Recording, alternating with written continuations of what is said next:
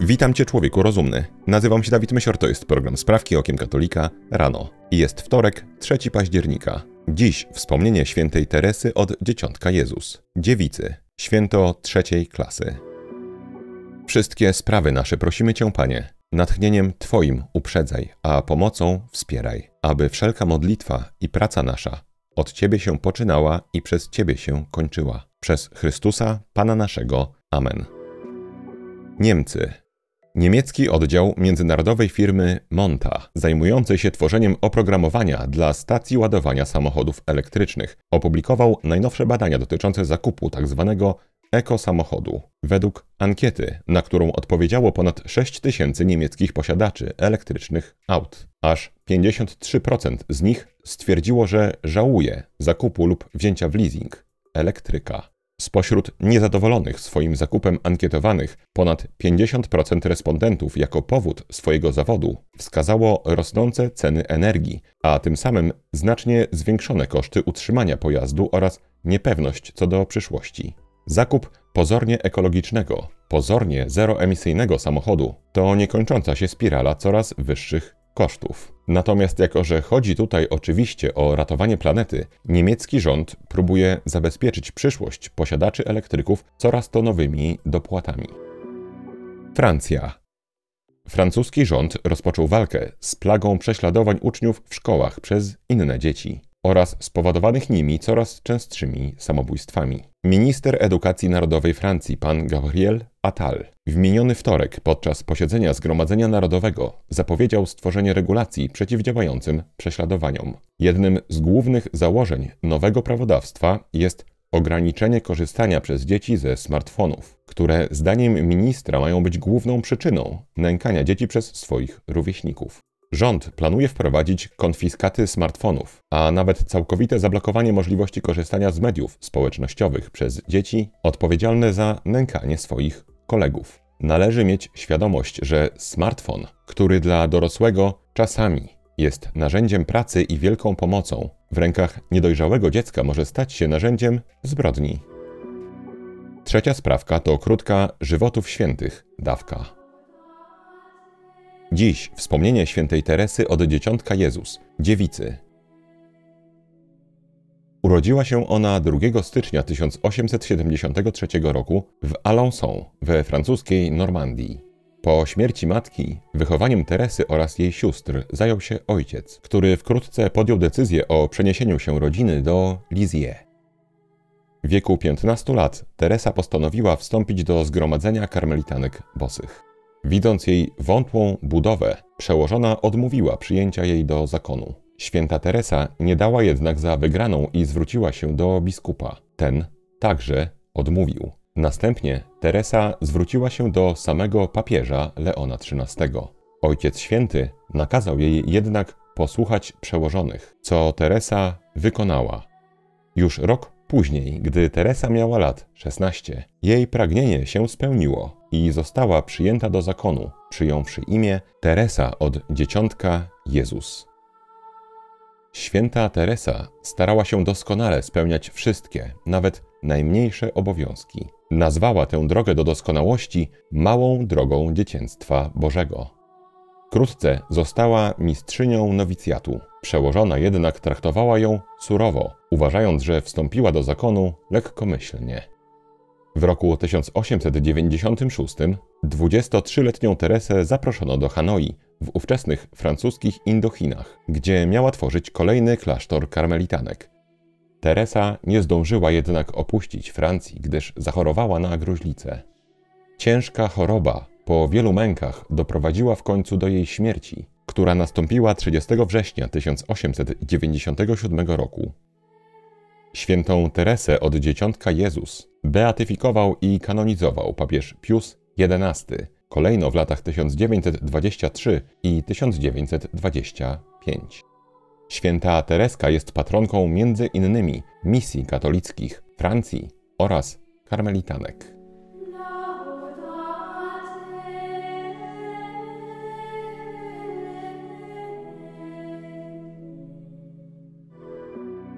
Hiszpania.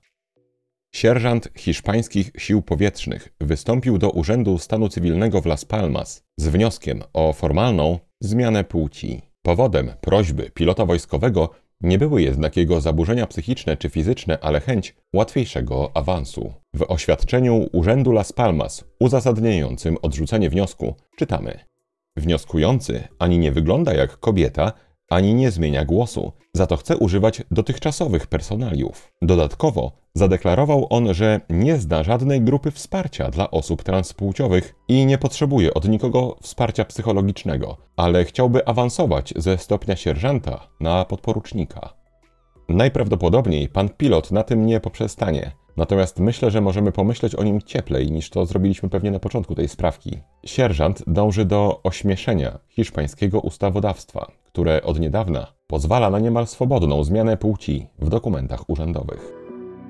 To była sprawka czwarta, a po niej reklama. Uwagi warta. Mój drogi słuchaczu, dziś chciałbym polecić Twojej uwadze książkę, którą uważam za, jeżeli nie niezbędną, to na pewno bardzo przydatną, na półce każdego katolickiego małżeństwa. A jeżeli znalazłaby się ona na półce, z której oczywiście będzie zdejmowana celem czytania, osób, które dopiero się do małżeństwa przygotowują, tym lepiej.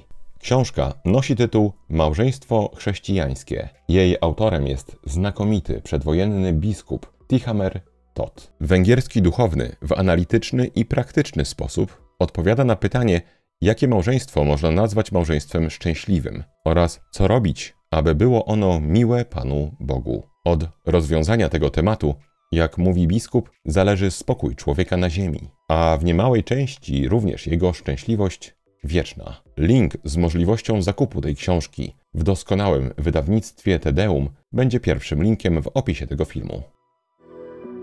Watykan. Nazywany często tęczowym jezuitą ojciec James Martin, od wielu lat współpracujący z papieżem Franciszkiem jako konsultant dykasterii do spraw komunikacji Stolicy Apostolskiej, udzielił niedawno wywiadu niemieckiemu magazynowi Christ und Welt. Słynący z otwartego propagowania w kościele ideologii LGBTQ i wszystkie inne literki, jezuita, stwierdził, że zmiana w podejściu kościoła do tzw. Tak osób LGBTQ i inne literki już się rozpoczęła. Dalej, duchowny powiedział: Mam nadzieję, że po synodzie o synodalności Kościół będzie inaczej niż dotąd podchodzić do gejów, lesbijek i innych mniejszości seksualnych. Niestety, można się obawiać, że te nadzieje ojca Martina niedługo się spełnią. Warto dodać, że jest on uczestnikiem zbliżającego się soboru, zaproszonym przez Ojca Świętego osobiście. Jak bardzo skuteczny okaże się jego progejowski lobbying, dowiemy się wkrótce. Niektórzy oczekują, że po ostatnim etapie synodu o synodalności nastąpi w Kościele przyzwolenie na błogosławieństwo par tej samej płci. Kanada konserwatywny kanadyjski kardynał oraz były prefekt dykasterii do spraw biskupów Mark Welle poinformował, że na początku przyszłego roku zorganizuje w Watykanie konferencję na temat antropologii i powołania człowieka. Choć wydarzenie odbędzie się dopiero w marcu, to mówi się, że konserwatywny duchowny chce tym samym wyrazić sprzeciw wobec rozpoczynającego się jutro synodu o synodalności. Kardynał Welle potwierdził te doniesienia, zaznaczając, że organizowane przez niego wydarzenie ma mieć charakter akademicki. Kanadyjski duchowny powiedział: Samotność, indywidualizm, nadmierna konsumpcja, uzależnienia, samobójstwa mają swoje konkretne przyczyny, którymi są upadek rodziny, brak punktów odniesienia oraz edukacja podporządkowana ideologiom. Kardynał Welle wielokrotnie krytykował także niemiecką drogę synodalną, między innymi za poparcie błogosławienia tzw. Tak związków homoseksualnych, pomysłu, który być może istotnym, jak już wcześniej mówiliśmy, tematem zbliżającego się synodu. Stany Zjednoczone.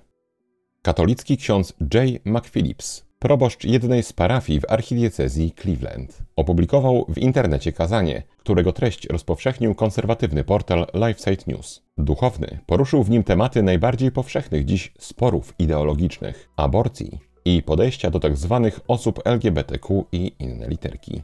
W swojej homilii duchowny powiedział: Boży plan dotyczący seksualności, najgłębszego wyrazu dzielenia się swymi ciałami, ma dotyczyć tylko mężczyzny i kobiety, których Bóg zjednoczył, aby stali się jednością w świętym sakramencie małżeństwa. Dalej, kapłan potępił bierność Amerykanów w kwestii aborcji, mówiąc: Tak wielu ludzi zignorowało mądrość i plan Boży. Dlatego od dziesięcioleci w naszym kraju dochodzi do niszczenia istnień niewinnych dzieci poddawanych aborcji. Być może nie bez znaczenia jest fakt, że w stanie Ohio, na terenie którego znajduje się archidiecezja Cleveland, w listopadzie odbyć się mają wybory, których skutkiem może być przeforsowanie poprawki do stanowej konstytucji gwarantującej tzw. Tak prawo do aborcji przez cały okres ciąży. Bogu niech będą dzięki za kapłanów takich jak ksiądz J. McPhillips. Polska.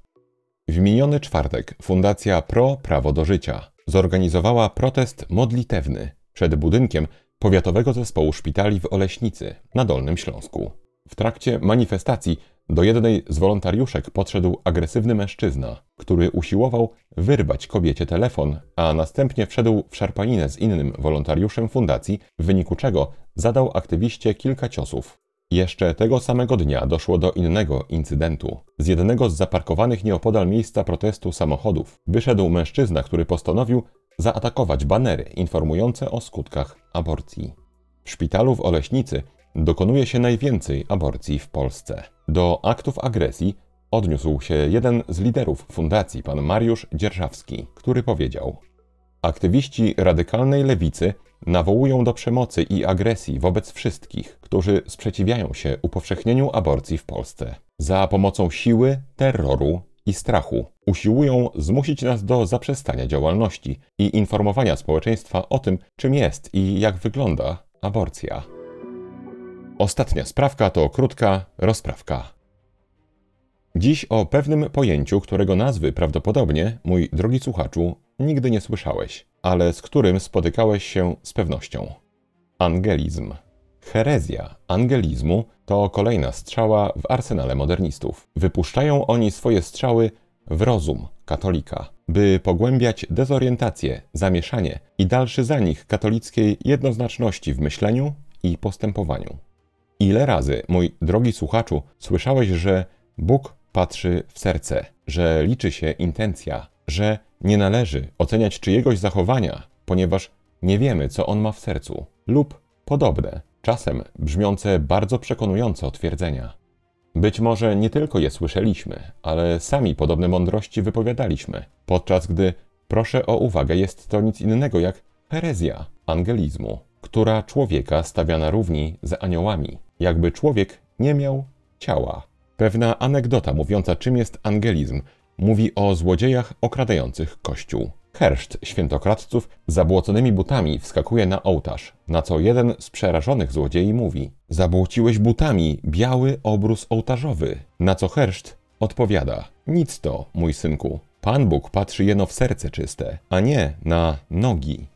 Żeby zrozumieć, jak absurdalna jest tak naprawdę teoria o tym, że intencja to wszystko, a czyny nie mają znaczenia. Wyobraźmy sobie męża, który przy kolegach mówi do żony: siedź cicho, najlepiej kopsnij się po piwko dla nas. Potem ogarnij się, żebyś jakoś wyglądała i zrób nam żarcie. I gdy żona zapyta go, dlaczego tak bez szacunku, bez miłości do mnie, on odpowie: jak to bez miłości, jak to bez szacunku? A skąd ty wiesz, czy ja nie mam tej miłości i szacunku w sercu? Nie wiedziałem, że jesteś tak płytka, że tak dbasz o pozory, o powierzchowność i że oprócz mojej miłości, mojego szacunku w sercu, oczekujesz ich także w zachowaniu.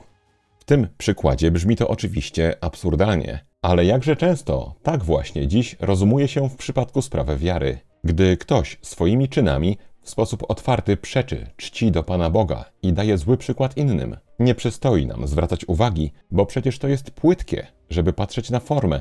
Liczy się to, co mamy w sercu. Tego argumentu używają choćby nowocześni liturgiści, którzy nie wymagają od uczestników mszy świętej nic. Klękać po co? Pan Bóg patrzy w serce. Kochaj i rób co chcesz. Bierz w dłonie ciało pańskie, a potem pozostaw partykuły na spodniach, ławce i podłodze. Pan Bóg nie patrzy na zachowanie, patrzy w serce. Pan Bóg nie patrzy na ubiór w kościele, patrzy w serce. Pan Bóg nie patrzy na rozmowy w kościele, patrzy w serce. Deptanie partykuł hostii, o co bić pianę, liczy się serce. Jak łatwo coś takiego przyjąć. Pytanie jednak, dlaczego na przykład żona bita przez męża nie powie, nie ma to dla mnie żadnego znaczenia, ja patrzę w serce, a nie na pięści. Angelizm.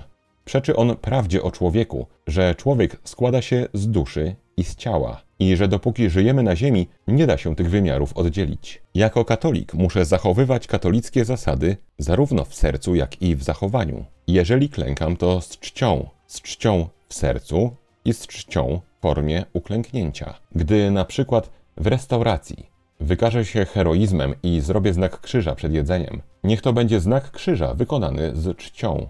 Mój drogi słuchaczu, jesteśmy stworzeniami duchowo-cielesnymi. Postawa naszego ciała, nasze gesty, słowa i uczynki nie istnieją w zawieszeniu i oderwaniu od tego, co w naszym sercu. Nie jesteśmy aniołami i dlatego zawsze, gdy usłyszysz lub co gorsza, sam powiesz, że liczy się to, co mamy w sercu. Przypomnij sobie, proszę, że jest to herezja angelizmu.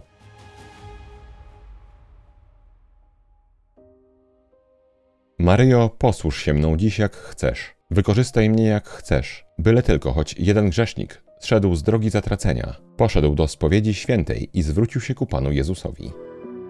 To na dzisiaj wszystkie sprawki okiem katolika rano. Jeżeli chcesz nam pomóc, daj proszę łapkę w górę pod tym filmem na YouTubie i napisz komentarz. Jeżeli chcesz wesprzeć zespół Sprawek Okiem Katolika najmniejszą chociaż kwotą, to szczegóły jak można to zrobić znajdują się w opisie tego odcinka. Wszystkim patronom bardzo dziękujemy. Chętnym przypominam o książce Małżeństwo chrześcijańskie. Link w opisie. Mój drogi słuchaczu, życzę Ci błogosławionego dnia. Święta Teresko od Dzieciątka Jezus, módl się za nami. Człowieku rozumny, trzymaj się, nie łam się i bardzo Ci dziękuję za Twój czas. Mam nadzieję, że do usłyszenia jutro. Zostań z Panem Bogiem.